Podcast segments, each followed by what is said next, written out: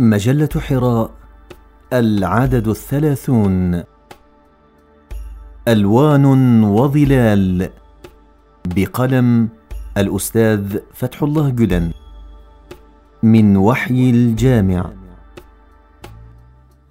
رفعتنا سموت بنا وأبواب الماوراء أوصلتنا فانتشينا وهمنا وفي أرواحنا اخضر الخلود وأورق شجره وأزهرت أزاهيره. حزانا منكسرين اليوم ننزف ألما ونحترق حزنا فلعل كسرنا في الغد يجبر وحزننا يغسل.